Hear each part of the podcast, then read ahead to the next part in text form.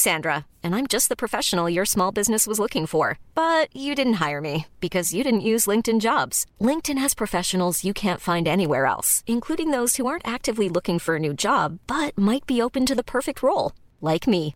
In a given month, over 70% of LinkedIn users don't visit other leading job sites. So if you're not looking on LinkedIn, you'll miss out on great candidates like Sandra. Start hiring professionals like a professional. Post your free job on linkedin.com/people today. Burrow's furniture is built for the way you live.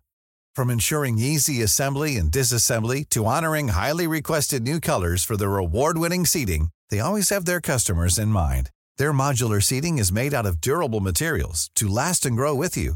And with Burrow, you always get fast, free shipping. Get up to 60% off during Burrow's Memorial Day sale at burrow.com slash ACAST. That's burrow.com slash ACAST. burrow.com slash ACAST. Since 2013, Bombas has donated over 100 million socks, underwear, and t-shirts to those facing homelessness. If we counted those on air, this ad would last over 1,157 days. But if we counted the time it takes to make a donation possible, it would take just a few clicks. Because every time you make a purchase, Bombas donates an item to someone who needs it.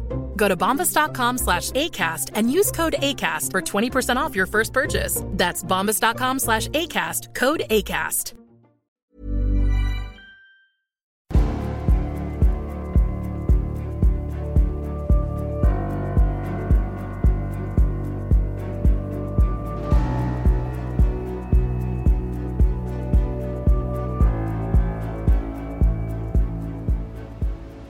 Du lyssnar på podcasten Samtal, en podcast med fokus på fria samtal.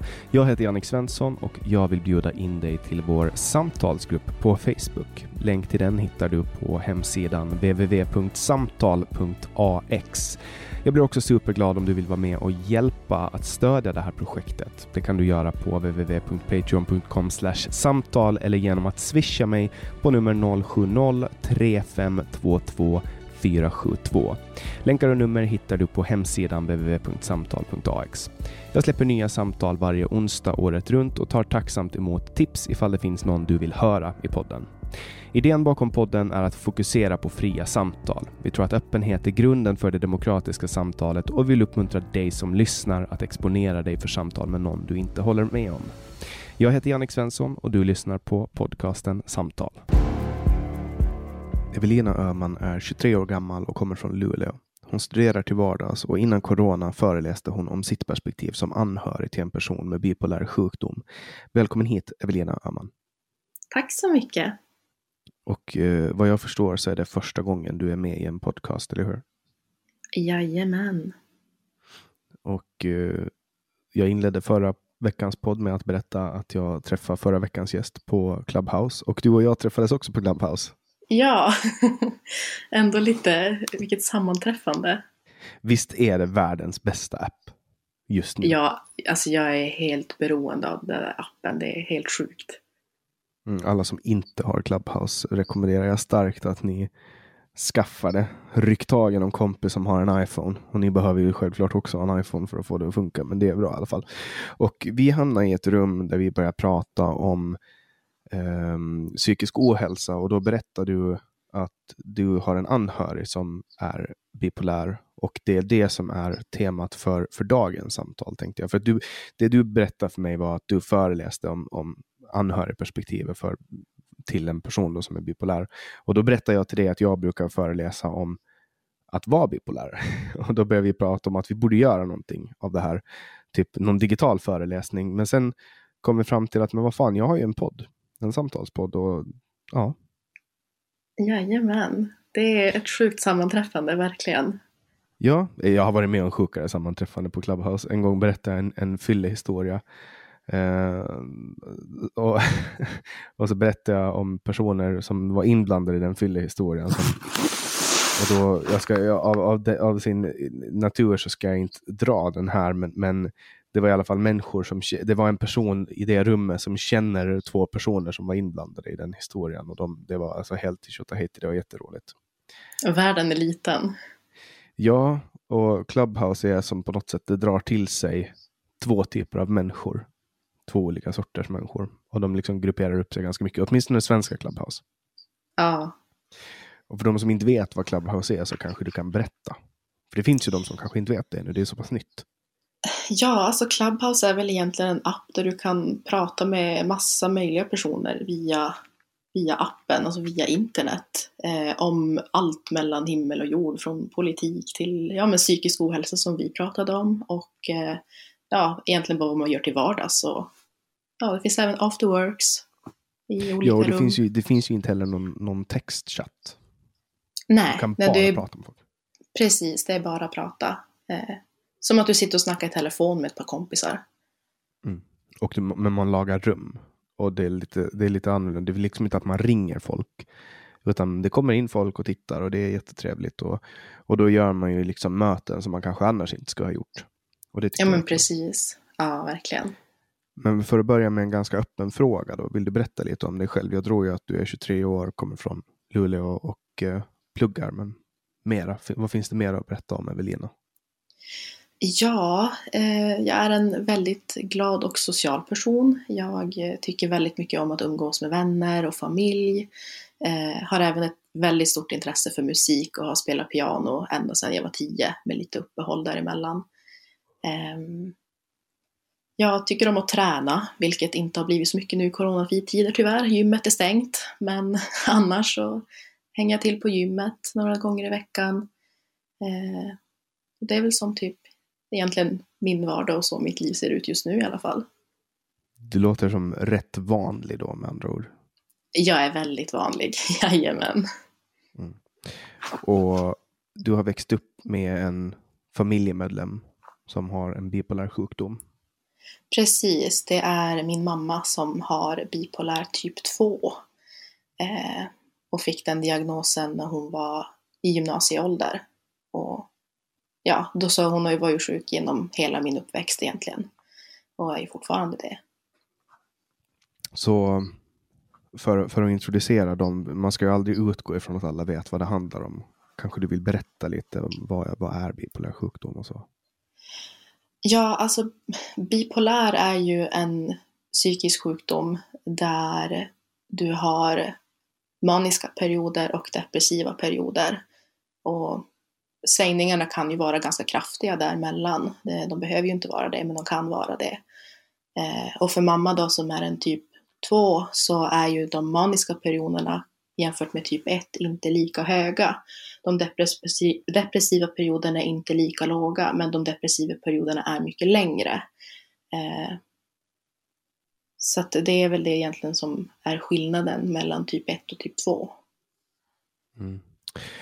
Och jag har ju typ ett um, av, av, av, av den här sjukdomen och, och därför tänker jag att det här samtalet bäddar upp för en ganska bred eh, genomgång, eller vad ska man säga, genomgången belysning från två olika perspektiv. Um, både då förstahandsperspektivet och andrahands, eller utomstående, eller an, anhörigperspektivet heter det. Alltså man brukar ju säga att um, bipolär sjukdom är någonting som, det är den anhörigas sjukdom. Att den anhöriga lider mer av, av sjukdomen än, än personen i fråga. Mm. Håller du det är med någonting, ja alltså verkligen, det är någonting jag också pratar om i mina föreläsningar att även fast jag själv inte är diagnostiserad med sjukdomen så lever jag i den utan diagnos när jag lever så nära min mamma då eh, så blir jag automatiskt meddragen i den även fast jag inte är sjuk själv. Så det håller jag verkligen med om. Så om, om vi drar tillbaks till, eh, till början då, hur, hur började du märka att din, att din mamma var sjuk? Ja, alltså när, när, jag, när man är så pass liten, alltså dagisålder och lågstadiet, då tänker man ju egentligen att alla har det precis som jag. Alla familjer ser något sånär likadant ut. Utan det var mer när jag kom upp i mellanstadie och högstadie som jag började märka att så var inte fallet. Ehm, och vid den här tiden visste jag inte vad det var för sjukdom hon hade, utan jag fick mest bara höra från familj och släkt att, att hon är sjuk och så vidare. Men eh, det är som när, när man börjar förstå själv och får en mer helhetsbild på saker och är hemma hos kompisar och ser att ja men, deras familj ser helt annorlunda ut jämfört med min. Det var som då jag började märka att okej, okay, det är någonting som inte är riktigt lika här. Eh, och jag började känna mig väldigt annorlunda för att inte ha den familj som jag såg att andra hade. Hur märkte du det här då? Eh, det märkte jag mest liksom eh, med hon hade sina depressiva perioder. Så såg jag ju på henne att hon var väldigt ledsen. Eh, och saker som normalt sett kanske funkade, funkade inte riktigt. Eh, det kanske var, det var mycket jobbigare för henne att gå och handla. Det var tyngre för henne att ja, men kanske hålla det städat hemma. Eh, och de här rutinerna föll verkligen. Kände du liksom att, att det påverkade dig, att du, att du hade ansvar? Alltså blev du att du började ta ansvar åt henne i en ung ålder? Som jag har hört att många Oh ja, det, det gjorde jag. Eh, om hon var ledsen så tog jag på det på mig. Att jag tänkte att det var någonting jag hade gjort. Att eh, jag hade gjort någonting fel eller jag hade inte gjort tillräckligt mycket. Eh, jag minns när jag var tio så gick jag och handlade mat eh, till oss för att jag inte ville äta knäckebrödmacka med vatten för en hel dag. Så att jag tog ju på mig extremt mycket ansvar och det tror jag egentligen nästan att de flesta barn gör för att man vet inte riktigt kanske var reaktionen kommer ifrån. Om hon gråter eller om hon är jättenere. Hur påverkades du som barn när hon var uppe? Hur, hur blev hon då? Jag upplevde henne som bara en allmänt liksom lycklig person. Det var livet lekte, det var rutinerna var på plats, vi, hon hittade på saker med mig, vi kunde fara och resa tillsammans och det var, alltså hon, det var jättebra perioder egentligen när hon var, eh, mådde bra. Så att då var det jätte, jättehärlig, hon är en jättefin mamma. Så när fick du liksom kontakt på något sätt med, med barn och ungdomspsykiatrin eller med kurator i skolan? Fick du liksom någon hjälp som anhörig? Nej, det fick jag ju inte. Jag kommer ju ihåg väldigt väl när det var eh, någon hade en, en period, en lång period som var ganska dålig så kom ju psykiatrin hem till henne och pratade såklart. Eh, men då fick jag leka i ett annat rum eller hitta på någonting annat. Och jag upplevde liksom aldrig heller att de snappade upp mig på något sätt. Utan det var när jag blev äldre som jag själv liksom blev kontaktad. Men det var inte från deras sida utan första gången så var det för att min pappa blev jätte, jätte orolig för mig för att jag mådde så dåligt. Bodde de tillsammans? Nej, de skilde sig när jag var kanske två och ett halvt. Det är väldigt liten. Så, um, men då, hur gammal var du när du fick hjälp med, från psykiatrin? Då? Första gången så var jag 15 år. Eh, då, var det, då hade jag bestämt mig liksom att flytta till pappa på heltid. Eh, och började egentligen må jätte, jättedåligt efter det. Det blev jättetjorvigt i familjen, men jag kände att jag behöver liksom göra det här för att, för att någonstans överleva själv.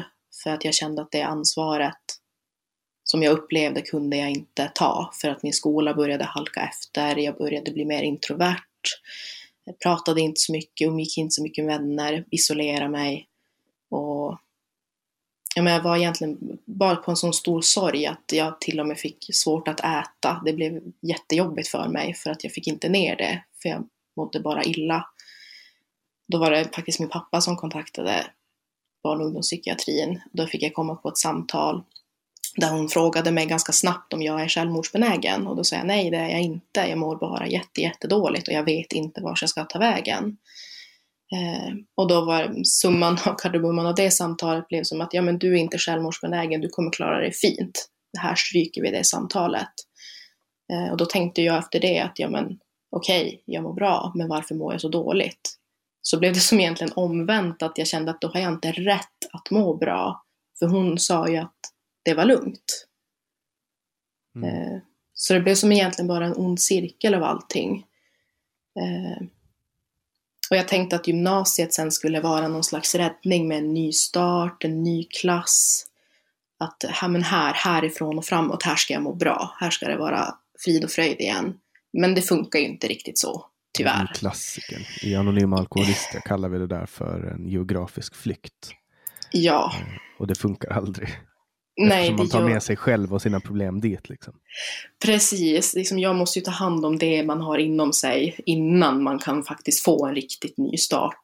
Eh, men där blev ju ångesten bara alltså, värre och värre och värre. Och till sist så var jag på en praktikplats. Jag gick vård och omsorg på, på gymnasiet och var på praktikplatsen. Och jag kände bara att jag spricker när som helst jag är sekunder ifrån och jag kan inte gå och jobba här med gråten i halsen hela tiden. Så då ringde jag faktiskt själv till skolans kurator för att jag kände att eh, alltså det, det är antingen eller. Annars, antingen tar jag tag i det här eller så kommer det aldrig att hända. Eh, så då tog jag själv kontakt med, med dem då och fick därifrån hjälp från ungdom, eller barn och ungdomspsykiatrin. Mm.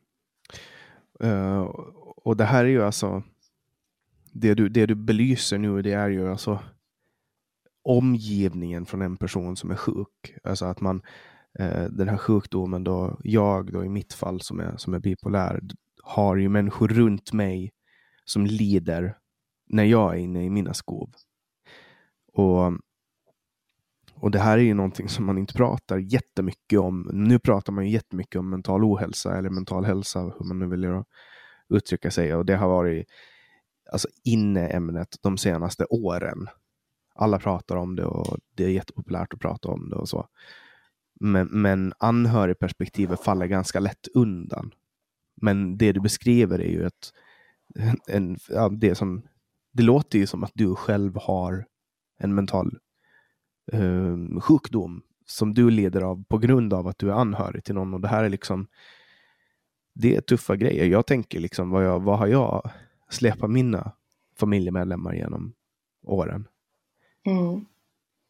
Ja, alltså och... det, det, är inte, det är absolut inte lätt att vara anhörig. Eh, däremot så tror jag att det skulle kunna vara lättare om det var så att anhöriga fick stöd från första början. Om någon kanske hade snappat upp mig när jag var liten och faktiskt pratat med mig och förklarat för mig vad det är för sjukdom, vad det innebär. För barn, är, alltså barn förstår ändå ganska mycket.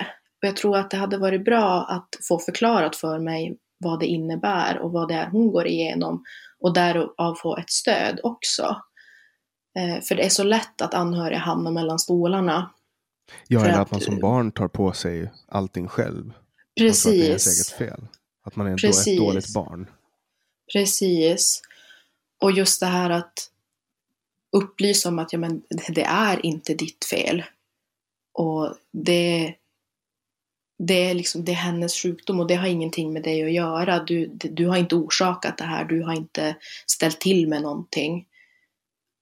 Och sen kanske får jag med någon typ av samtalskontakt eller något typ av anhörigstöd. För att man har ju så många gånger genom livet fått höra att ja, men du måste finnas där och hjälpa till och, och du måste hjälpa den som är sjuk.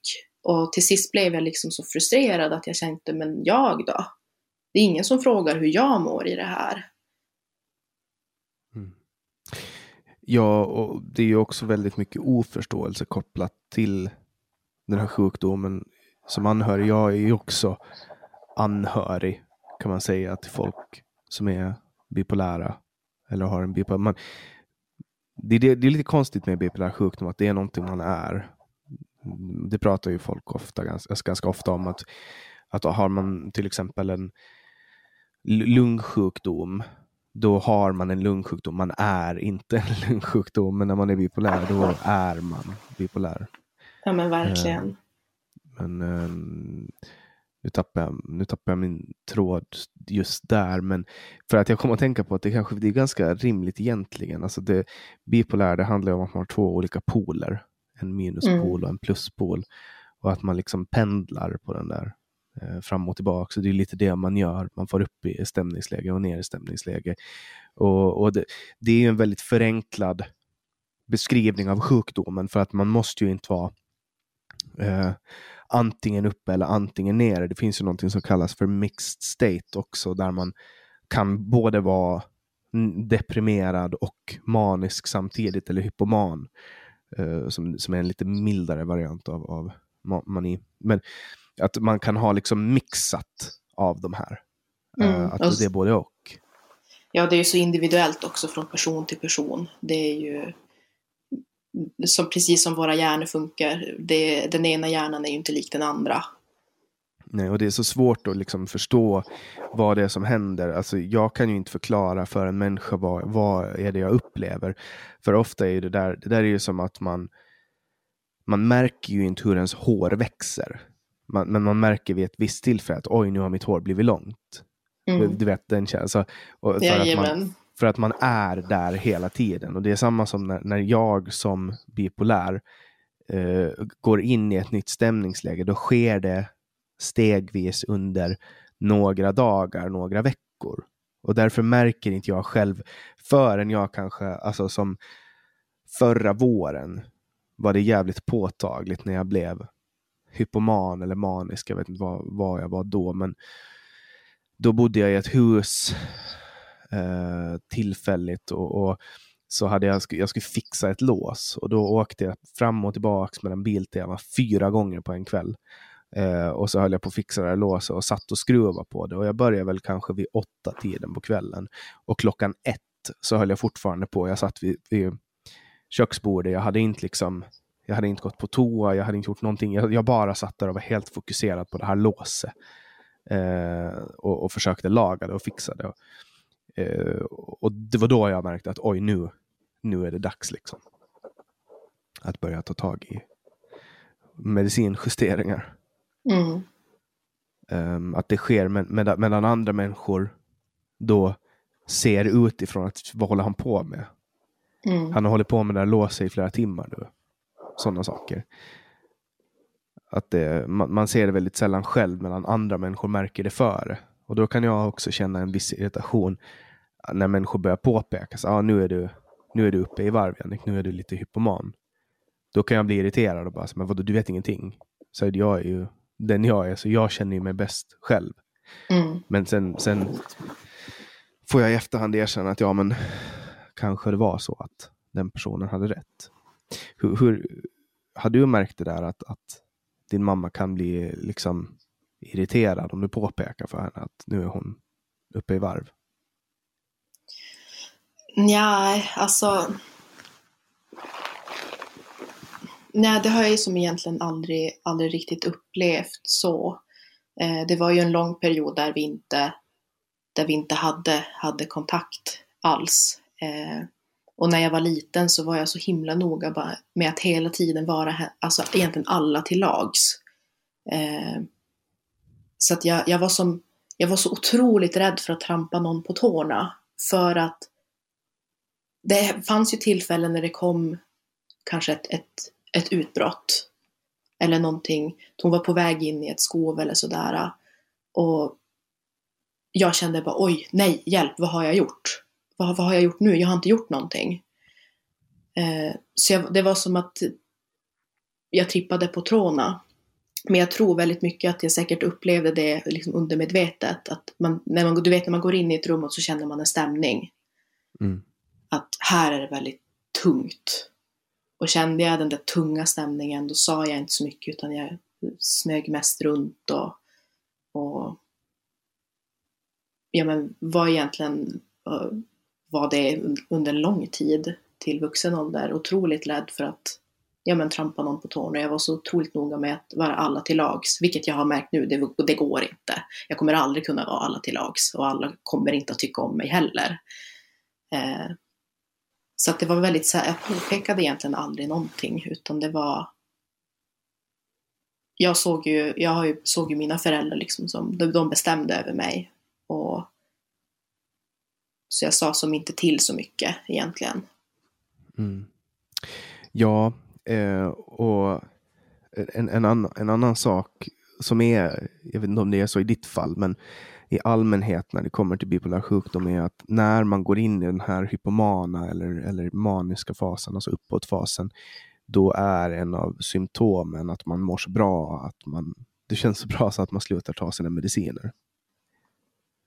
Ja, det, det, det har jag hört. Eh, det har jag hört många gånger. Jag har faktiskt ingen, jag vet inte om det var så att hon någonsin slutade ta dem eller så. Eh, det var ingenting jag höll koll på heller. Eh, för jag var ganska gammal faktiskt när jag fick veta vad det var för typ av sjukdom hon hade. Jag var 17 år när jag fick veta att det var bipolär. Eh, så det, det vet jag faktiskt inte om hon har gjort, men jag har ju hört många fall där det har varit så. Mm. Och hur, hur kom du in på att börja föreläsa om det? Anledningen till att jag ville börja föreläsa var för att när jag var tonåring och var så i det här så kände jag mig som världens mest ensamma människa på jorden. Jag kände mig otroligt ensam. Och jag trodde att ingen egentligen skulle förstå min situation. Eller att, eh, och jag vågade heller inte berätta för någon för en liksom lång period. Det tog flera, flera år innan jag ens berättade för mina närmsta vänner vad det var som faktiskt hände hemma. Ehm, och sen när jag fick träffa den här psykoterapeuten så berättade hon om en undersökning som de hade gjort inom Luleå Boden kommun. Nu kommer jag inte ihåg riktigt vilket år det var de gjorde den här, men då visade det sig att det var 600 barn som levde med personer, eller med, under föräldrar med psykisk ohälsa, som inte var kapabla till att ta hand om dem, varav majoriteten var ensamstående föräldrar. Och det satte lite perspektiv hos mig att okej, okay, 600 barn, det är ganska många. Det är väldigt många. Och då tänkte jag att okej, okay, men här har jag suttit i min egna bubbla och trott att jag är ensam, det är ingen som kommer förstå mig, det är ingen som har det som jag har det. Men det är jättevanligt. Som jag då kan gå ut och berätta om det här och lyfta upp anhörigperspektivet så kanske jag tar bort stigman också kring det. Att det är så vanligt och det är helt okej. Okay. Det är liksom inget konstigt att må dåligt. Um, och sen också att jag är ung. Jag började föreläsa när jag var 18. Eh, och tänkte mycket att det är så många ungdomar där ute som har en liknande situation. Och om de, de kan se mig som en ung person, prata öppet om det och faktiskt har gått vidare från det och har det väldigt bra idag. Så att få den där känslan i dem att kan jag göra det så kan du också. Det finns ingenting som hindrar dig. Du behöver inte må så här. Och det är helt okej okay också att må dåligt. Men du behöver inte ha det så, du behöver inte sitta fast. Och det är så mycket vanligare än du tror. Mm. Har du varit på någon form av anhörigstöd för det här, alltså någon grupp? Nej, det har jag inte. Ja, det finns ju, det finns ju till um, alltså typ Allanon um, som är för folk som är anhöriga till alkoholister. Och så finns för uh, medberoende, CODA, Codependence, Codependent Anonymous, typ. Och, mm. och lite olika sådana grupper. Och jag tror ju, jag har ju, jag har ju en, en ganska, alltså, jag vet inte om jag har pratat om det så mycket på den. Folk brukar bli irriterade på att jag pratar om, om psykisk ohälsa i podden. Jag har fått den återkopplingen, speciellt i häcklande kommentarer. Folk är så här, du ska alltid upp och prata om psykisk sjukdom och så vidare, eller mental ohälsa. Men det är ju en ganska, en ganska stor del av mitt liv. Alltså, jag lever ju med en, en, en kronisk sjukdom som påverkar alla aspekter av mitt liv. Det, det är ju samma om, om jag skulle ha diabetes. För man tänker ju hela tiden på att man har en diabetespump man måste hålla koll på. Eh, eller om man inte har en, kanske skjuta in insulin och sådana grejer. Att mm. det är ju svårt att inte prata om någonting man lever med varje dag. Absolut. Eh, men, men alltså just, och jag har ju inga problem att få hjälp. Alltså jag kan ju bara gå till psykiatrin och jag har ju hela tiden liksom ett nätverk runt mig av människor som, som är medvetna om att jag är sjuk och som är på sin vakt och, och kommer och återkopplar till mig om det är så att jag börjar liksom spåra ur för mycket eller om jag blir för nere och så vidare. Mm. Men som anhörig så blir det ju en helt annan grej. För att inte det är så att, att om någon går in och blir diagnostiserad bipolär, att, att man gör en spårning av anhöriga. Vem ska vi kontakta nu för att hjälpa? Det är liksom ingen, ingen sån grej. Ofta så hamnar det på en själv, att man får just söka hjälp i grupper eller gruppterapi och så vidare. Men, men jag upplever just den här gruppgrejen, att få gå ut och, och, och prata. Jag går ju på tolvstegsmöten, då får jag prata om det här, men jag får också lyssna. Och jag kan tänka mig att, att det blir lite som, jag har ju själv då pratat om bipolär sjukdom, föreläste och ur, ur ett first hand perspektiv. Och det är också en form av terapi, att få gå ut och prata om det. Att man bearbetar och bearbetar tillsammans med folk. Upplever du att, att föreläsningarna är någon form av terapi också?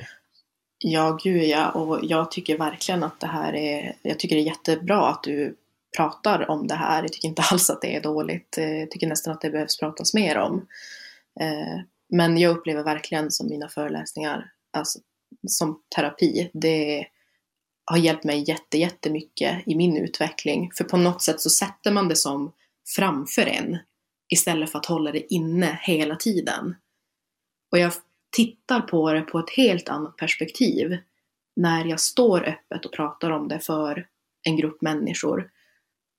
Det är som att jag lägger det framför mig på bordet och faktiskt tittar på det och bara ja, det är så här det har varit, men faktiskt det låter kanske jättekonstigt egentligen, men jag är så glad att det hände mig. För att det har gjort mig till den personen jag är idag. Och jag har även lärt mig saker om mig själv när jag har satt det fram, framför mig och faktiskt tittat på det. Och höra mig själv säga det, det jag säger. Eh, så det har varit en enorm utveckling, inte bara att lära mig att stå och prata framför andra om personliga ämnen, men också liksom få en annan typ av förståelse och att lära känna sig själv på ett helt annat sätt. Mm. Ja, och kanske också att måla ut många gånger, alltså när det kommer till anhörigsjukdomar, till exempel medberoende. Då är det ju väldigt vanligt att någon, någon är medberoende till till exempel då en alkoholist eller någon annan form av missbrukare. Att de eh, istället för att liksom ta tag i problemet eh, och kanske konfrontera personen så enablar de genom att hela tiden se till att den här personen klarar sig undan konsekvenser och så vidare. Och, och då är det som att man kanske är lite, eller det blir en form av förnekelse. Att man förnekar att den här personen är sjuk, eller man kanske vet att personen är sjuk, men ändå liksom håller man på att enabla och gör det lätt för den personen att fortsätta. För att man är rädd att man inte ska bli, jag vet inte varför, men det är också en sjukdom, alltså um, att vara medberoende. Och att då kan jag tänka mig som du, för man kan väl också på något sätt kalla det anhörig, alltså att det, det, jag tror att mycket, mycket liknar medberoende i att vara anhörig till någon. Att, att sätta ett namn på det och gå ut och prata om det och få återkoppling från andra människor. För jag kan tänka mig att det finns folk som du vet, i slutet på föreläsningen räcker upp handen och så reflekterar de till det att ja, men shit, jag har samma sak, liksom, jag har varit med om det här. Ja, absolut. Alltså jag har ju haft personer som har kommit fram och kramat om mig och liksom eh, sagt att de känner igen sig så mycket i min berättelse och att de har känt exakt samma känslor som jag har känt, även om det inte har varit exakt samma diagnos hos den anhörige, så känner de igen sig i mina tankemönster som jag hade och i de känslor som jag hade. Eh, så att det är liksom det är också en, jag känner det som en stor vinst att jag har fått en person, två personer, tre personer och säga det till mig som är en total främling för dem. Och, och på tal om det här med medberoende så tänker jag ju också att under min uppväxt så försökte jag ju skydda min mamma från Exakt. liksom omvärlden. Jag, höll, jag ville upp, hålla uppe den här fasaden. Att när det var dåligt och jag visste att Kommer jag hem så kan hon vara jätteledsen, hon kan vara jättenedstämd om det var en sån period. Då tog jag inte hem folk, för jag ville inte att, alltså blotta henne på det sättet. Eh, så jag tänkte liksom att ja, men om jag håller folk utanför det här så är det bra, för då skyddar jag det, för då ser det bra utåt. Eh, Medan de inte vet vad som sker bakom stängda dörrar. Och det ville jag heller inte att de skulle göra. Mm, exakt. Man går runt och liksom sopar. Precis. Man vill inte att någon ska få inblick och så vidare. Det där känner jag också igen. Ja. Um, dels, också, dels för att jag har anhöriga som har gjort det. Men för mig så gick det liksom så långt till sist så att det gick inte att dölja för någon vad, jag, vad jag led av. Liksom. Jag hamnade ju till sist på sjukhus och så. Uh, när jag var, jag tror att jag var lika gammal som det. Nej, jag var 20, tror jag. 20, 21. Undrar om jag inte firar min 20-årsdag inne på psyke. Jag tror, att det, jag tror att det var så. Eller?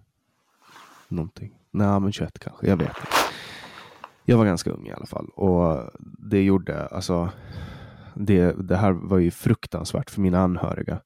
Jag försökte, försökte ta livet av mig.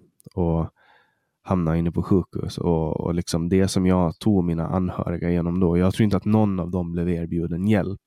Och jag vet inte om någon av dem sökte hjälp överhuvudtaget. Men det är ingen, jag var borta i ett år, alltså inne på sjukhuset och det blev, blev liksom, jag var inte mig själv och i efterhand, det kommer det jättemycket skam. Jag tar ju på mig personligen att det är jag som på något sätt har, så att jag har gjort det här mot dem. Um, men jag är inte säker på att någon av dem överhuvudtaget blivit erbjuden någon hjälp. Men... Och det här, det här lämnar säkert stora sår hos folk. Ja, absolut. Eh, och där tycker jag egentligen att det borde finnas något system för sjukvården. Eh, för man har ju hört om anhörigstöd när det kommer till ja, med folk med missbruk, folk med alkoholism och de delarna. Men jag har aldrig hört att man blir erbjuden stöd för att en, närhörig, en anhörig har psykisk ohälsa. Och där tänker jag att det borde finnas egentligen något system där man faktiskt blir kontaktad av någon typ av ja men, kurator eller terapeut eller någonting där man kanske får komma som, om man vill komma i grupp som en familj och prata ut om det eller träffa andra som delar samma, samma mm. situation. Mm. Ja, eller åtminstone få information om vad man kan hitta. Det finns ju massa sådana frivilliga grupper som baserar sig på liksom, alltså 12-stegs-ish grupper. Att åtminstone få information till dem.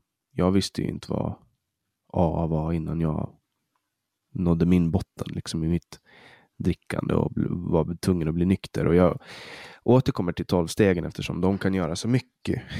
Jag har ju använt dem på, på massa uh, olika former av av beroenden och, och, saker som jag har behövt bearbeta från barndomen. Men eh, inte minst liksom inte minst alkoholism. Men det tror jag också kommer. Det går ju ofta hand i hand, bipolär sjukdom och missbruk. De ligger väldigt nära varandra. Har, har du någon erfarenhet av, av missbruk också som an, anhörig? Nej, alltså eh, Nej, jag vet, jag vet ju om människor som har, som har missbruk men eh, om man kopplar det till, till min mamma så har hon aldrig haft det problemet. Eh, det är ingenting hon har berättat för mig men hon hade det i alla fall inte när jag växte upp. Eh, och det tror jag mycket kanske har att göra med att hon hade haft sjukdomen ganska länge också och mm. hade redan ja, men, mediciner och stöd från ja, men, psykiatrin och så vidare. Så jag har ju aldrig någonsin sett henne full eller något sånt överhuvudtaget. Eh, vilket har varit väldigt skönt. Idag finns det ju mycket mediciner. Det finns ju bland annat litium som stabiliserar på, på lång tid. Man vet inte riktigt varför det funkar, men det är en av de mest Eh, beprövade medlen inom psykiatrin. Det är också väldigt tidigt. Jag tror man började med det på 50-talet. Började man ge det till råttor och för att testa ut råttgift för att det är litium egentligen ett jättegiftigt grundämne. Eh, eller grundämne, det är en metall i alla fall, jag om det är ett grundämne. Ja, jag tror att det är ett grundämne, men det är i alla fall giftigt och så märkte man att, att hyperaktiva råttor blev lugnare och då började man testa det på människor. Och så märkte man att vissa personer då, som, som då var det som man kallar för manodepressiva blev lugna av det och då började man ge det inom psykiatrin. Och man förstår inte varför. Det finns bara hypoteser kring varför man tror att det funkar. Men sen finns det lite andra former av mediciner. Lamotrigin till exempel som man använder för eh, bland annat typ epilepsi. Tror jag man använder för. Det används också. Eh, men, men problemet med bipolär sjukdom när man ska medicinera det är ju att det är ju någonting som eh, det går. Det är en sjukdom som påverkar stämningen. Ibland är man uppe, ibland är man nere. Och, och det, finns in, det, finns inga garantier för att en stämningsstabiliserare ska både klippa toppar och, och höja dalar. Som nu till exempel går jag igenom, alltså as we speak, så håller jag på att gå av en SSRI. Jag tar um, fluoxetin var, varje dag då, på vintern och hösten. För att, att komma upp liksom när jag är nere och nu håller jag på att gå av den och jävlar vad jag har biverkningar. Alltså jag sitter här och är jättetrött och typ känner knappt, alltså mina läppar är avdomnade för att jag håller på nu i en och en halv vecka och gå av den här medicinen. Ja, det blir en kemisk eh, avvänjning, det blir som en kemisk imbalans i kroppen ett tag. Alltså, du ska bara veta vilka konstiga grejer. Jag har hört första veckan så hörde jag barnsånger och ramsor i huvudet hela tiden. Jag har så här hörselhallucinationer. Var det några kända barnsånger? All, alltså sånger och låtar också. Sång, låtar, sånger i allmänhet som jag hört under min barndom har liksom hållit på att spelas i mitt huvud. Jaha. Så jag har haft fruktansvärt realistiska drömmar. Varje natt drömmer jag drömmar. Och drömmarna i sig är inte mardrömmar, men de är obehagligt detaljrika på ett sätt som gör att även drömmar som inte är så jättedramatiska blir väldigt plågsamma att ha. Mm. Så att det, är, det är en kostnad, det är en stor kostnad att hålla på och mixtra med kroppen. Man vet ju väldigt lite om, om psyket och psykiska sjukdomar när man jämför med hur mycket man vet om somatiska sjukdomar. Ja men precis. Men eh, har du någon, har du någon erfarenhet av, av hur det här funkar med medicineringar och sånt? För, för din mamma med bipolär sjukdom. Har du märkt någonting? Ja, alltså jag vet ju om att, eh, att en medicinering som kanske har funkat ett tag kan helt plötsligt, in, fun helt plötsligt inte funka. Och då måste Precis. man börja liksom ändra igen. Så att det är, vad jag har förstått det som så är det ju en hel process det med precis i takt med sjukdomen. Det är ingenting som kommer vara förgivet hela tiden. Eh, så att det, men det, det är som också, alltså, det som funkar det ena skovet funkar inte andra, andra skovet exempelvis. Mm. Och då Nej, blir det, det att där, ändra. Det där, det där känner jag igen också. Att det, man hittar, jag hittar saker flera gånger som jag trott att ah, nu har vi det. Det här är, this is the, this is the medication. Och sen har den slutat funka efter typ fem gånger som jag använt den så har liksom effekten avtagit. Jag kommer ihåg för något år sedan när jag bodde, då bodde också i Stockholm. Och då testade vi en, en helt ny medicin som ganska nyligen har kommit ut på marknaden i Sverige. Den hade funnits eh, i USA ett tag, men hade precis kommit till Sverige. Och, eh, eller nej, den hade funnits i Sverige, men under ett, ett visst varumärke då, och, och, och patentet hade inte släppts upp för synonympreparat ännu, men det hade precis kommit som synonympreparat, så var det billigare och då fick jag testa det.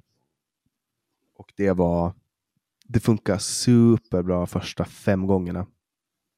Sen slutade det funka helt. Vad surt. Alltså det, ja. Ja, det är, det är konstigt och, och det är oförklarligt också. Alltså som typ, jag har också extremt läkemedelskänslig så att jag kan ta en, en, det som är en liten dos för en annan person är en selklubba i huvudet för mig. Liksom. Så det, ja. det, det, är så extremt individuellt. Det är ju det. Och det, det vet jag ju själv också. Jag hamnade ju själv på antidepressiva och eh, ångestdämpande och sömntabletter när jag var i... Ja, hur gammal var jag då? Var jag 20? 19, 20? Eh, så gick jag in i väggen och blev deprimerad. Så då hamnade jag ju själv på, på antidepressiva. Eh, så att jag vet, jag vet hur det är det där med att mixtra med läkemedel. Det, det är inte enkelt att hitta rätt dos. Men... Nej, och sen vet man ju inte heller. Alltså, nu när jag går av den här medicinen. Då undrar jag så här. Vad det, vad det är SSRI du fick? Din antidepressiva? Ja, det var sertralin jag fick till att börja med. Ja, det, det, jag tror, det är en selektiv serotoninåterupptagningshämmare tror jag. Jo. Det borde vara typ samma. Och, och sen när jag, när jag ser så här, de här biverkningarna som jag får nu som är helt sjuka. Då tänker jag så här, men vad, vad, vad hade jag gjort med min hjärna när, när jag har tagit dem? Liksom? Eh, det som Ja. har varit normalt förut. Vad, hur har jag uppfattat saker och ting när jag inte har tagit dem?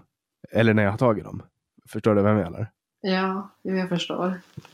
Jag tänker så, typ nu märker jag att jag är jätteuppmärksam på olika saker. Speciellt när jag kör bil så ser jag hus och typ diken och eh, ve, alltså jag märker saker, så detaljer som jag inte har tittat på förut. Jag vet inte om det har någon koppling till att jag har slutat ta fluoxetin nu för eh, sommarsäsongen, men eh, jag undrar, jag undrar lite vad, vad är det det gör med, med hjärnan. Säkert kommer det komma någon forskning eller så längre fram eh, som kanske visar på det där bättre. Det Ja. känns som att man bara blandar ihop kanske någon cocktail och ser, ah, funkar den här? Nej, då provar vi en ny. Funkar den här? Nej. Och så fortsätter om och om igen. första gången jag tog fluoxetin, då fick jag efter två eller tre veckor fick jag de värsta panikångestattackerna jag har fått i hela mitt liv. För att då inträdde det som kallas för paradoxal ångest. Alltså man tar det kanske för ångest eller panikångest. Och så får man det man tar det för först. Det liksom triggar värre attacker av det. Och sen hade du det när du började med, med din antidepressiva? Nej, jag, jag hade panikångest innan jag tog antidepressiva. Eh, det, jag hade inte många sådana attacker. Men när jag, tog, när jag började ta antidepressiva så var det som att jag var bara en tom burk som gick omkring. Jag, jag kände ingenting egentligen. Jag var bara helt tom. Det finns folk som beskriver det. Jag har aldrig upplevt det. Just det, Det men jag har må- många som beskriver det. Ja, det är en jätte, jättemärklig känsla. Det kan hända någonting helt fantastiskt men du känner ingenting för det. Och jag som normalt sett är en enorm känslomänniska blev ju jättepaff. Att Jag är säker på att du inte fick något. manliga könshormoner. Ja, man kan ju undra. Precis. Men så att eh, det, det var det, det mest märkliga. Det pågick kanske några veckor och sen var det som att jag började känna mig lite mera glad. Eller att jag funkade lite bättre än vad jag hade gjort innan. Eh, men då var det ju också att då höjde de ju på den där dosen. Började lågt och så höjde man ju den då till typ, ja, jag hade, tror jag hade maxdos på det. Tar du dem fortfarande? Nej, jag slutade för två år sedan ungefär att ta dem. Det är ju av någon anledning så är det ju stigmatiserat. Alltså det är ju, man, folk väljer att inte prata om att de tar det, det antidepressiva. Har du märkt det också? Ja, det, det har jag märkt. Eh, och jag var väl själv också väldigt anti till en början. Eh, till det för att att få diagnosen depression för mig var som ett, något slags misslyckande på något sätt. Och jag tror kanske mycket ligger i att jag har, jag har en anhörig som är sjuk och nu är jag själv drabbad. Hur kommer jag då påverka mina anhöriga runt omkring mig? Jag vill inte dra in dem i det här överhuvudtaget. Eh, så jag hade ju en enorm ångest bara över det. Men då hade jag personer runt omkring mig som sa till mig med att ta emot liksom läkarens hjälp, ta emot hans hjälp för att det är inget fel i att ta antidepressiva. Behöver du ta dem nu i en period så är det helt okej. Och du behöver inte oroa dig för vi, vi kommer finnas kvar här. Så på det sättet hade jag då ändå ett ganska fint ja, men, skyddsnät. Men jag minns att jag själv var väldigt anti det till en början. Att man har ju hört att jaha, ska du börja knapra piller nu då? Eh, Mm. Jag tänkte att jag ska inte göra det. Men jag behövde ju det, antagligen. Och det hjälpte ju mig. Mm. Så att, Så- eh, Sen finns det ju också så här. Jag tror att det är jävligt viktigt att man drar den här skillnaden på vad som är en klinisk depression och vad som är att vara nere. Folk eh, är väldigt benägna att rent semantiskt, alltså språkmässigt använda sig att ah, jag är deprimerad. Eh, och det de menar är att jag eh, är lite nere, är lite nedstämd. Men de använder sig av, av ett ord som de facto är en klinisk diagnos. Ja, absolut. Alltså, ja, eh, jag menar, som vilken annan människa som helst så har man ju bra dagar och dåliga dagar och man har ju även perioder som är sämre utan att man behöver vara deprimerad. Eh, och det, det upplever jag ju nu, nu också. Och drar jag skillnaden från perioder där jag har det lite sämre idag jämfört med när jag var diagnostiserad med depression. Det är ju som natt och dag. Det är ju som enorm skillnad. För idag funkar jag ju ändå. Min vardag funkar, mina rutiner funkar, men då följer precis allt. Mm. Det var liksom, tog mig inte ens upp på morgonen ur sängen. Och det är ju, nu, nu kanske jag låter hemskt som säger det, men bipolär sjukdom går ju i generna. Så det är ju inte omöjligt att du har en liten släng av det också. Det, det har jag hört också. så att det är inte högst osannolikt, det är det inte. Det är ingenting som någon läkare alltså pratar med mig om heller. Eh, jag har ju nämnt för dem att, att jag har det i familjen, men det är ju som ingen som har riktigt tagit tag i det och velat kolla vidare på det. Så att jag har faktiskt ingen aning. Brukar du få att du får så här maniska eller att du blir jättepigg i vissa perioder och kreativ och påhittig och sånt? Ja, alltså det, ja. Eh, nu har jag ju det. Ofta så eh, handlar det ju om att det kanske ska ske en liten förändring i mitt liv eller någonting och så blir jag liksom jätteaktiv. Eh, men får jag alldeles för mycket på mig, då kan det sluta med att jag inte gör någonting alls. För att då blir det för mycket. Så då skjuter jag upp det istället. Så, men jag vet inte, jag har aldrig tänkt själv och funderat över om jag själv har bipolär. Men jag tror inte det. Eh, inte av det jag har hört av andra eller vad jag har sett liksom hos, hos min mamma så är vi väldigt olika. Mm. Ja, men det känns väl som att du, du har tillräckligt liksom att vara anhörig. ja, precis. Det borde, borde räcka liksom. Det är så här, tillräckligt mycket. Nej, men jag, jag, tror ju på det här med, alltså jag, jag, måste säga att efter alla år, jag har pratat väldigt öppet om psykisk ohälsa jättelänge, att alltså man blir ju blind på ett, på ett ämne man, man håller på mycket om. Det känns som att alla vet det jag vet. Förstår du vad jag menar? Ja.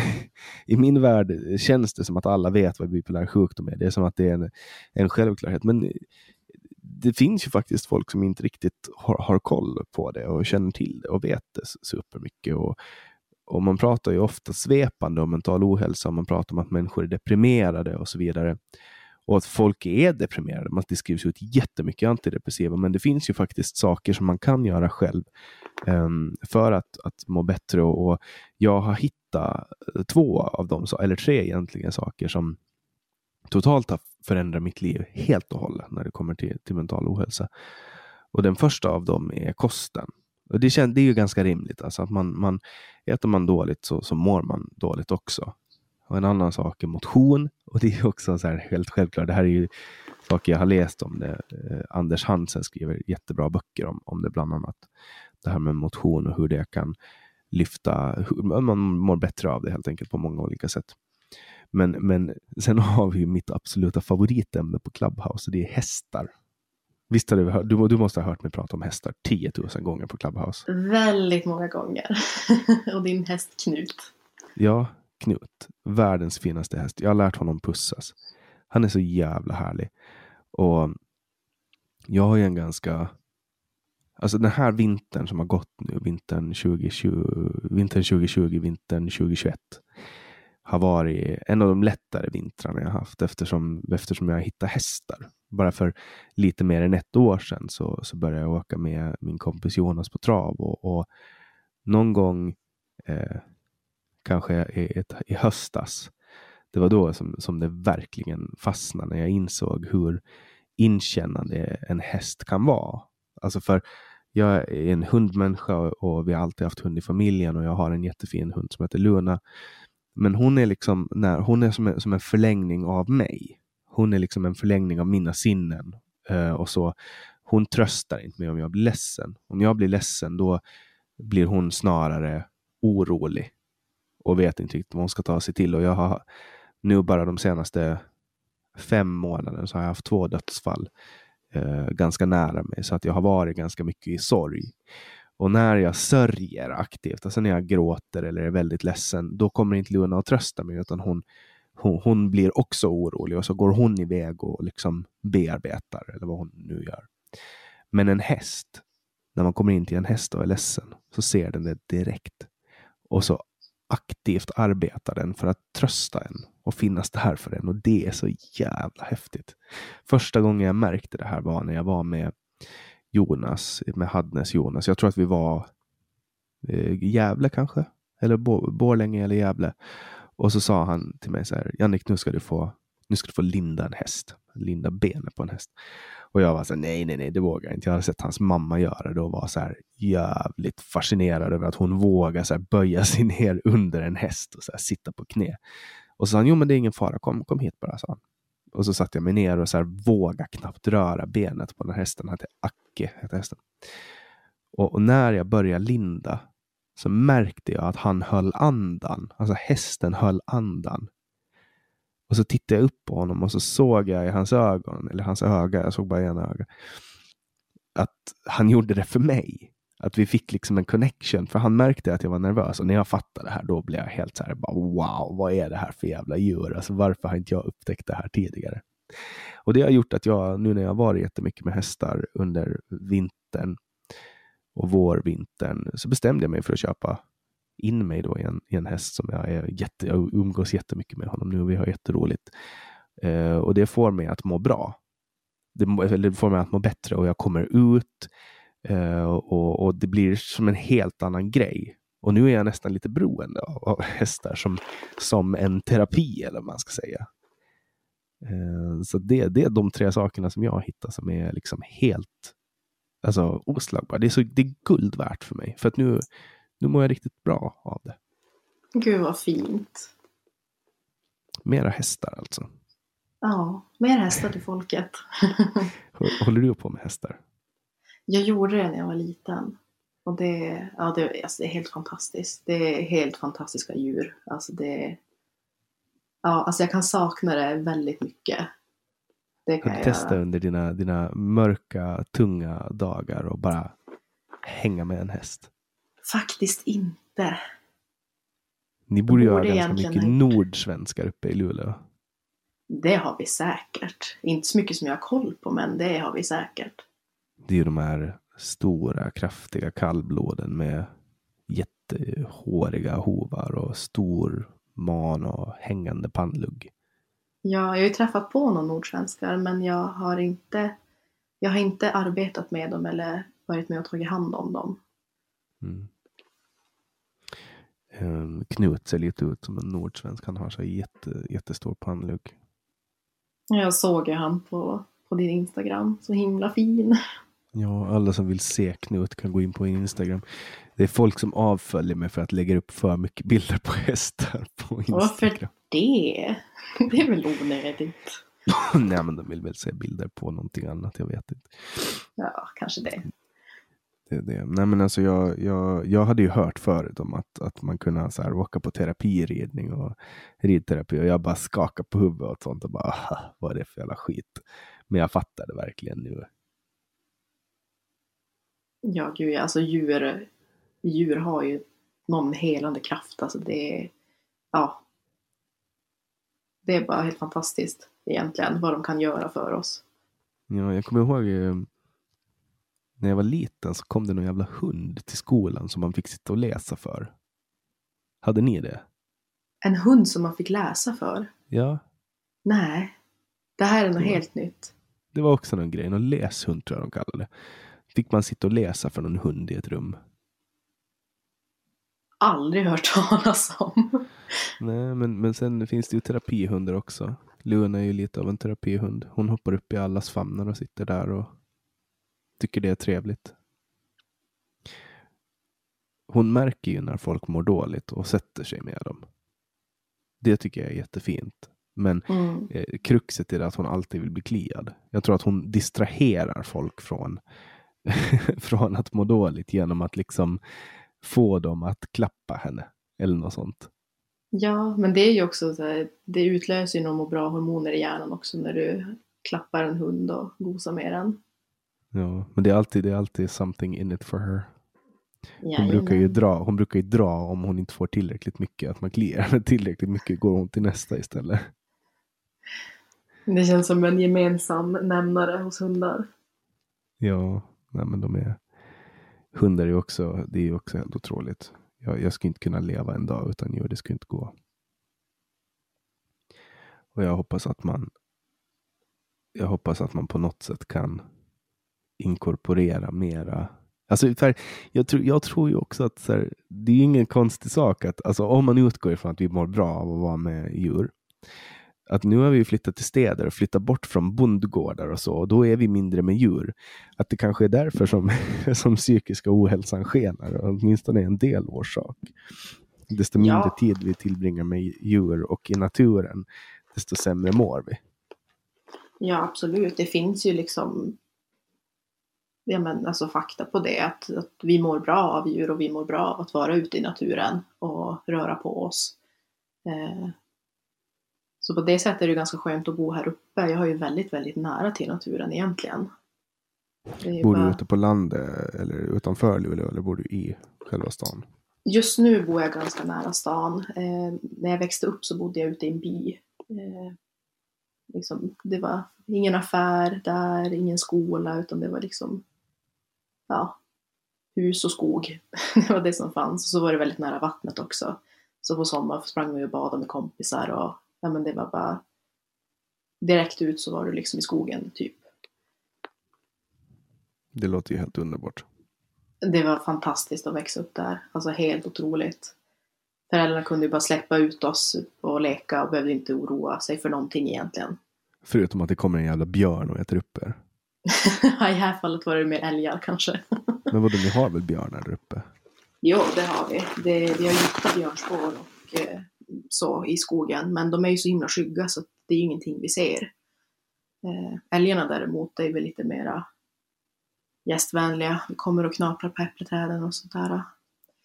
De är väl bara farliga när de har små älgungar, kalvar, älgungar. ja, precis. Jo, då ska du inte gå emellan dem. Det har man ju Eller hört. föl säger man för älgar, inte kalvar.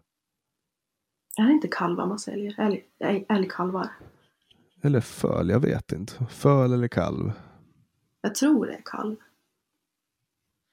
För, för mm. kalv är ju, det är ju ko, kor har ju kalvar. Mm. Och de har klövar. Har älgar klövar eller hovar? Klövar. Då kanske de har kalvar. Vette fan. Men mini-älgar. det fanns ju någon svensk kung som försökte lära älgar att rida. Att ha människor på sig. För han ville, han ville att svenska armén skulle rida på älgar. Gick det bra? Nej, det går inte ja. att tämja älgar. Nej, jag kan förstå det. Men det ska vara häftigt. Faktiskt. det, det hade varit jättecoolt. Jag använder dem istället för hästar. Det ska vara riktigt häftigt. Ja, men de är så himla stora. Det är nog sjukt vad stora de är. Ja, det är, det är galet. De är riktigt respektabla djur. Ja, alltså det, det är, så jag går inte nära dem. Det, nej, nej. Absolut inte. De brukar ju i allmänhet inte heller vara intresserade av att gå nära människor.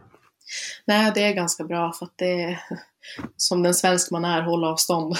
Kom inte för mm. nära. Exakt. Um, men om vi, om vi hoppar tillbaks till, eh, till dina föreläsningar, då, vad, vill du dra lite kort? Eller det behöver inte vara kort, vi har ju mycket tid, hur mycket tid som helst. Men, men lite vilka infallsvinklar och så du brukar ta upp i din, i din föreläsning? Ja, alltså jag pratar ju väldigt, väldigt mycket om min uppväxt och eh, lägger vikt i, i början av mina föreläsningar så pratar jag om hur jag är normalt sett som person för att kunna dra jämförelsen till hur det påverkade mig under uppväxten och in liksom i, i eh, gymnasieålder och, och vuxen ålder. Ja men mycket det här att som liten så förstår man inte så mycket eh, och tänker att problemen börjar egentligen när du börjar förstå saker. Eh, när du får en mer helhetsbild och så vidare. Och det var ju då mina ångestproblem tog fart. När jag insåg att oj då, det här är egentligen inte så jättebra. Eh, och jag pratar också ganska mycket om högstadiet när det generellt sett är en tid där man egentligen har nog fullt upp med att finna vad man själv vill, man ska börja gymnasiet, man vill passa in, det är puberteten. Man har redan ganska mycket på sin tallrik, så med det och problematiken som jag hade hemma blev liksom ingen bra kombo för mig. Eh, och det var också vid den här tiden som jag bestämde mig för att flytta till min pappa på heltid. På grund av liksom att min mamma hade gått igenom en arbetslöshet under ett längre tag. Och jag fick hem ett brev, brev från banken där mina fonder var sålda. Oj. Ja. Och tömda helt enkelt. Jag hade inga pengar kvar på kontot. Och för mig så handlade det, det jag var inte besviken över att pengarna var borta, för att jag visste inte ens att de fanns där. Det här var ju någonting som jag skulle få när jag var 18 för att ta körkort och köpa bil och ja, men, allt som kommer med 18-årsåldern. Utan jag var som mest besviken på att, att man inte frågade mig, att man inte kollade med mig eller pratade med mig om det. Så det var egentligen det som, som gjorde att jag, att jag flyttade till, till pappa, för att jag kände det här enorma sveket. Eh, och när jag då sa till, sa till henne att nu kommer jag flytta till pappa på heltid, jag, jag måste göra det här för mig själv för att jag, jag, alltså jag orkar inte. Det, det funkar inte som det gör just nu så blev det ju också, vi båda var ju väldigt ledsna såklart över den händelsen. Och det kunde ju komma ja, men, sms och samtal från henne där ja, men det kom frågor som att ja, men hur, hur kunde du lämna mig? Hur, jag är ju din mamma, liksom kom tillbaka. Eh, du är min dotter. Och vilket inte gjorde det, det gjorde det inte lättare för mig att gå vidare från det heller. Mm. Att jag kände mig väldigt anklagad och jag hade redan stor ångest som det var att på något sätt göra det beslutet.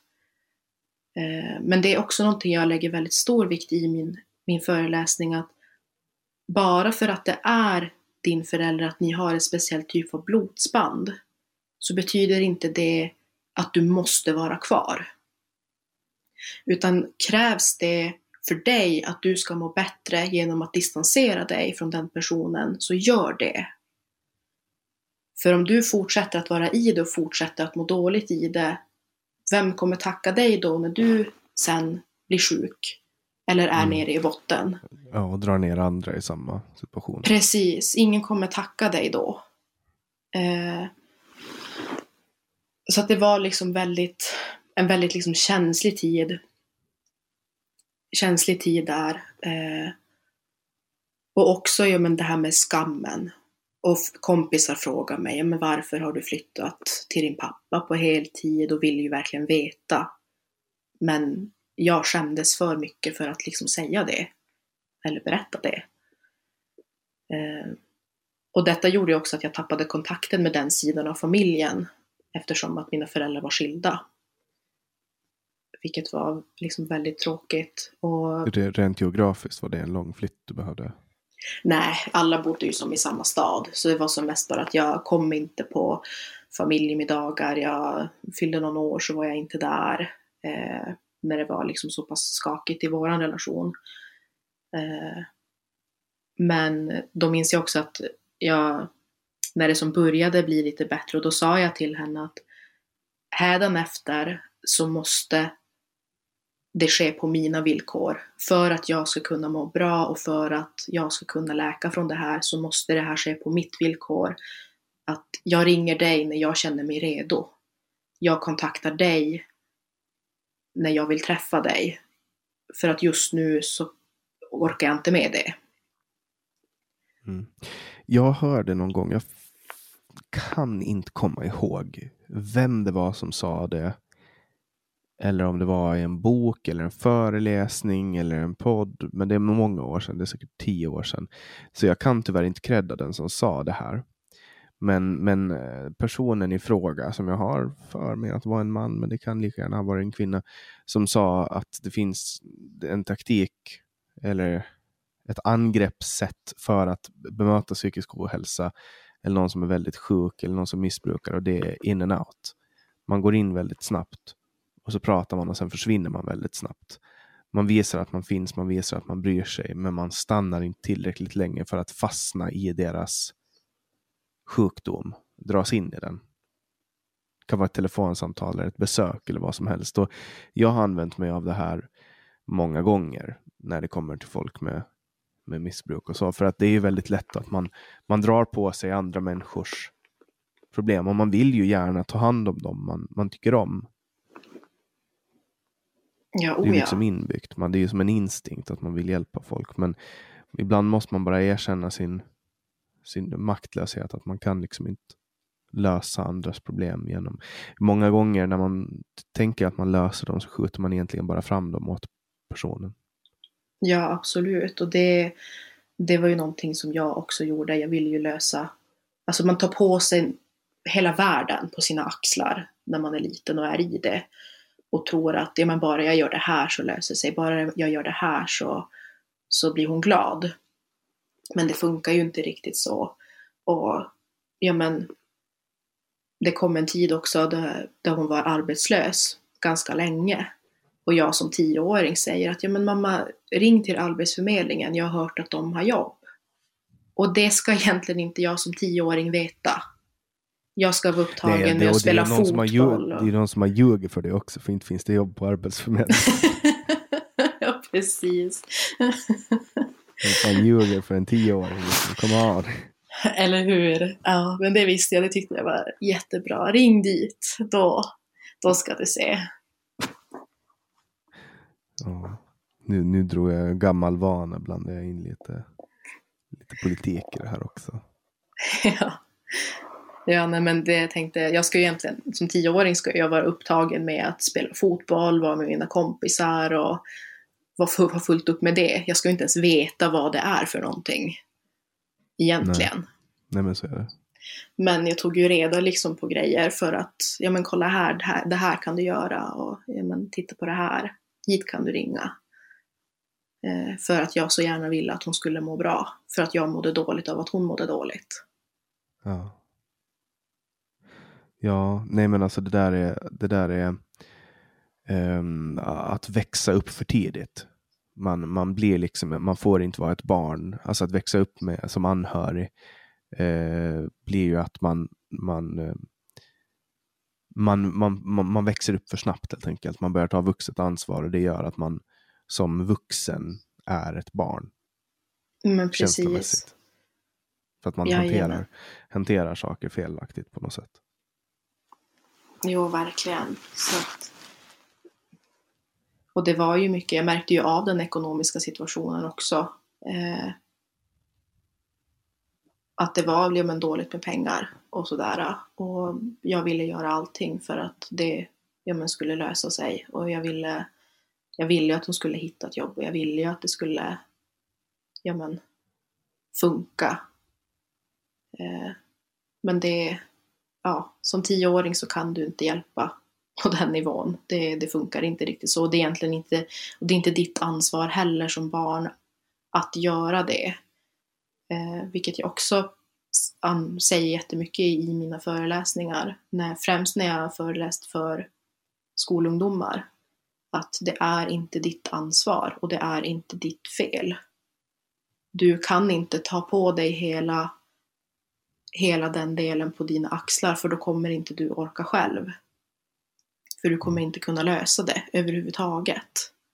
Utan du måste fokusera på vad du vill och vad du behöver göra för att du själv mår bra. För att, för att kunna finnas där för andra så måste du också någonstans må bra själv. Och vill du då finnas där för din förälder eller din anhörig så måste du ta hand om din egen skit så att säga. Men du kan också bara finnas där så mycket som det går. Du kan inte ge allting. För du kan inte bara ge och ge och ge och ge och inte få tillbaka och tro att det ska lösa sig. Mm.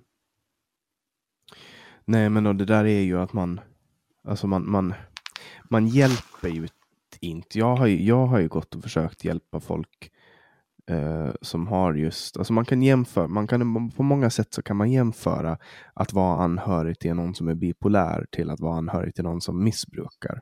Just för att de, det handlar ju om, det är en sjukdom som påverkar beteendet. Trots att intentionerna är goda så blir det fel. Det, det är som blir... en björntjänst. Ja, men också att, att människan till exempel, en människa som som, som, det kan vara en hur snäll och fin människa som helst som missbrukar, som kanske snor pengar. Och tänker att ja, jag betalar tillbaka det senare. Men det slutar med att de pengarna aldrig kommer tillbaka så att man har tagit dem.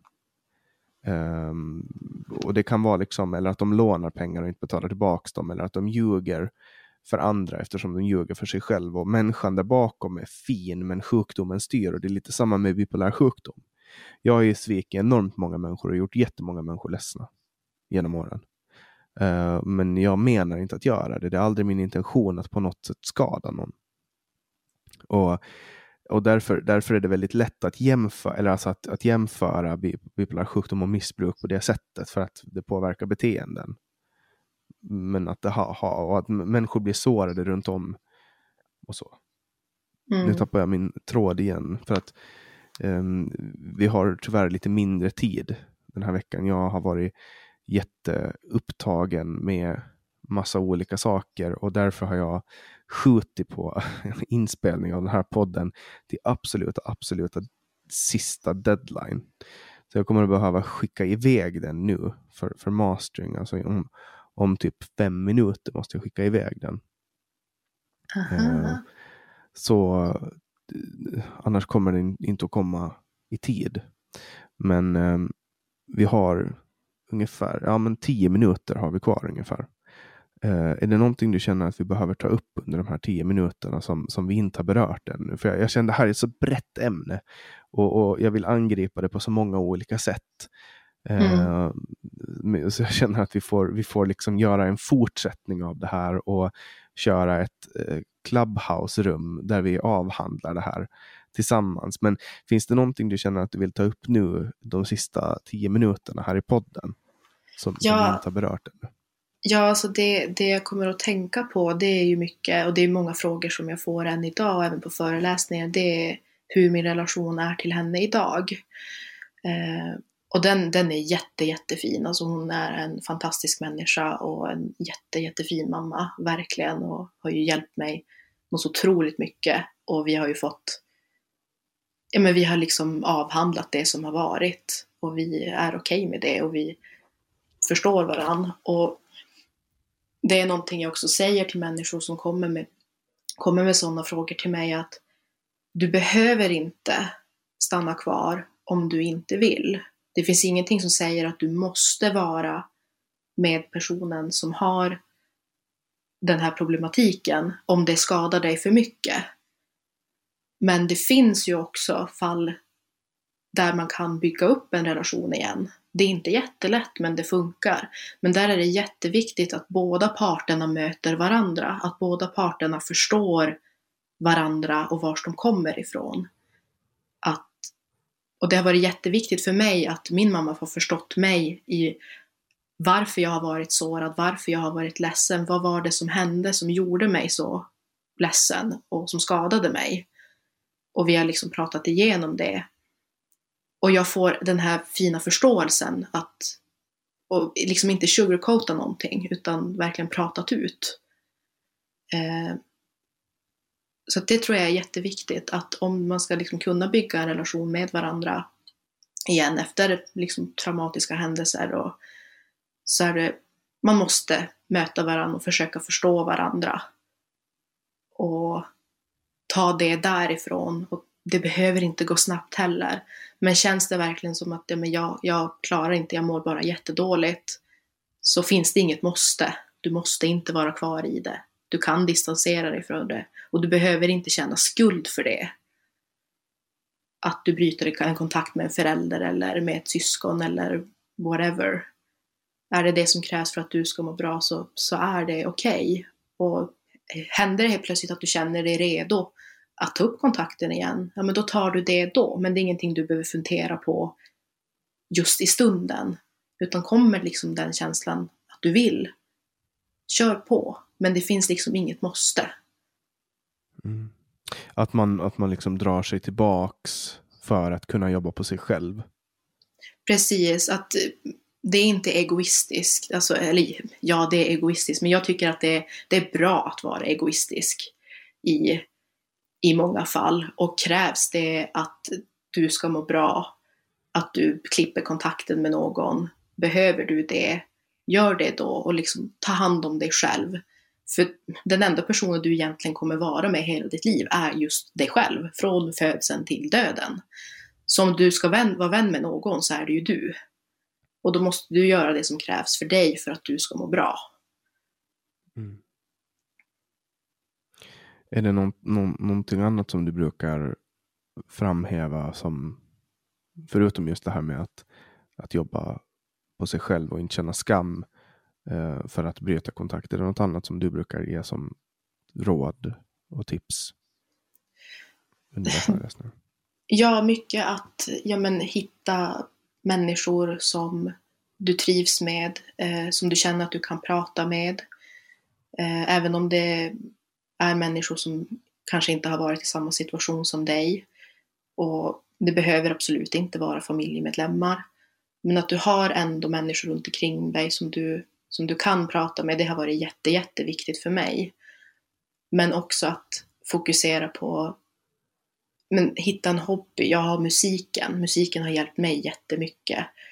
Eh, och fokusera på det och liksom fokusera på, ja men vill du jobba med något speciellt? Vill du plugga någonting? Speciellt liksom att, att liksom utveckla, utveckla sig. Men just att ha ändå något typ av skyddsnät runt dig där du vet att händer det någonting så kan jag ringa den här personen och personen kommer lyssna och finnas där för mig. Och det, det tror jag är jätteviktigt. Mm. Ja, och eh, till dig och till alla som lyssnar så ber jag om ursäkt för att jag har misslyckats med att eh, leverera en, en två timmars podd denna vecka. Eh, men jag är glad att jag åtminstone har fått ut någonting. Med tanke på hur mycket jag har just nu så är jag jätteglad att jag, att jag lyckas få ihop alla poddar som ska ut varje vecka. Men jättestort tack Evelina för att du gästade veckans avsnitt av Samtal. Ja, men tack själv. Tack för att jag fick vara med. Och till alla er som har lyssnat, jättestort tack för att ni fortsätter komma hit och lyssna vecka efter vecka. Och som ni vet så får ni jättegärna stödja det här projektet, vilket ni kan göra genom att swisha mig på nummer 070 352 2472 eller genom att gå in på patreon.com samtal. Där hittar ni eh, också en mailadress som ni kan donera via Paypal om ni vill och ni hittar numret och där kan ni också även gå in och önska gäster som ni vill höra. Jag tar alla önskemål i beaktande när jag bokar gäster. Och som jag ofta klagar på så har jag extra svårt att få in kvinnor i podden. Speciellt kvinnor från vänstern. Så om ni känner någon eller har tips på någon, hook me up. Det är väldigt uppskattat. Eh, jag heter Jannik Svensson och du har lyssnat på podcasten Samtal.